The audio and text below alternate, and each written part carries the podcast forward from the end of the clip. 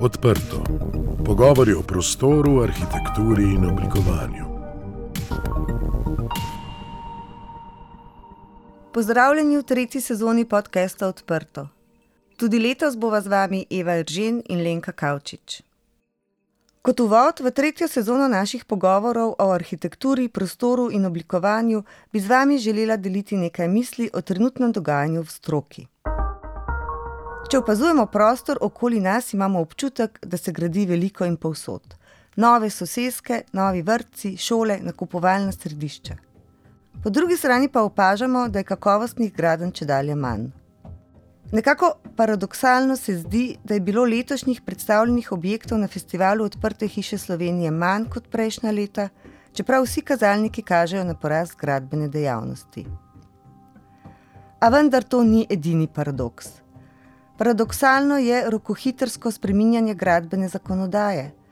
Paradoksalen je poizkus ukinjanja birokratskih ovir in s tem instituta arhitekturnega natečaja paradoksalen in usiljen je spor med gradbeniki, inženirji in arhitekti. Vrste polemik in javnih razprav, ki so se odvijale tekom leta, kažejo na željo po uveljavitvi partikularnih interesov, ki niso v korist nikomur, niti stroki, niti družbeni skupnosti in v bistvu razdvajajo. Pojem Bau kultur, po slovensko kultura gradnje, ki so ga ministri za kulturo držav Evropske unije, predstavniki UNESCO, Sveta Evrope in Evropske komisije zapisali v Davoški deklaraciji, poudarja kulturno dimenzijo gradnje in njenega načrtovanja. Nasprotje bav kultur se kaže v zmanjšanju kakovosti grajenega okolja in odprte krajine, pomankanju oblikovalskih vrednot in izgubi regionalnih identitet. V Ustavi Republike Slovenije je zapisano, da država v skladu z ustavnimi določili skrbi za zdravo življenjsko okolje, varuje naravno in kulturno dediščino, ustvarja možnosti, da si državljani lahko pridobijo primerno stanovanje. Država varuje zemljišča, skrbi za gospodarski, kulturni in socialni napredek prebivalstva. Prostor je ključni dejavnik razvoja družbe, hkrati pa končna in omejena dobrina. Prav zato je potreba po zakonskih temeljih, kdo, kako, kdaj in na kakšen način lahko vam posega, izjemnega pomena. Neusklajeni stihijski in parcialni posegi v prostor lahko v njem puščajo dolgotrajne negativne posledice. In prav na področju strateškega načrtovanja in upravljanja s prostorom je umankal širši družbeni in strokovni konsens.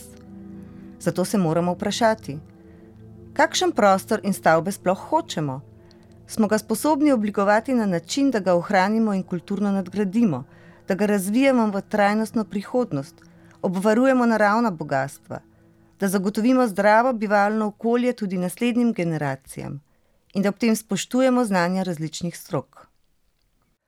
Strokovnjaki moramo stopiti skupaj, ker je vse odvisno od sodelovanja in povezovanja strok, ker so dobri rezultati lahko le posledica ustvarjalnega sodelovanja med njimi, tako v prostoru, v arhitekturi, v krajini, kot tudi v zakonskih rešitvah.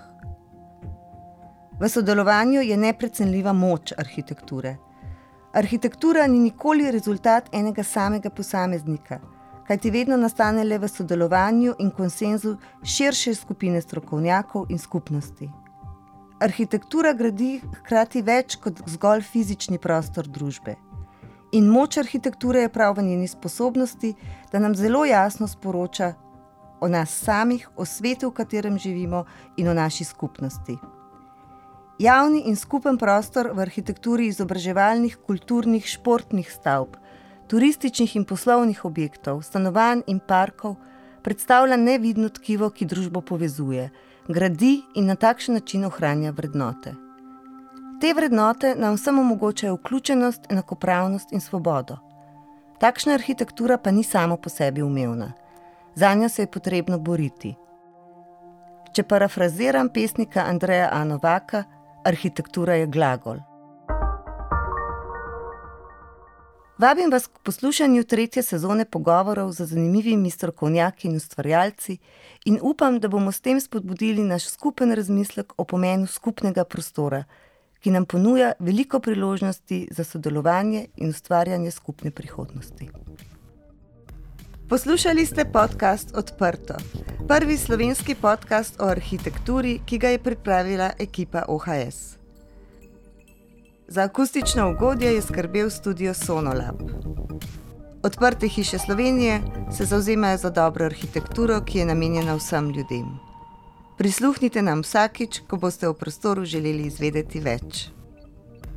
Da smo lahko odprto spregovorili o prostoru, nam je svojo podporo omogočilo Ministrstvo za okolje in prostor.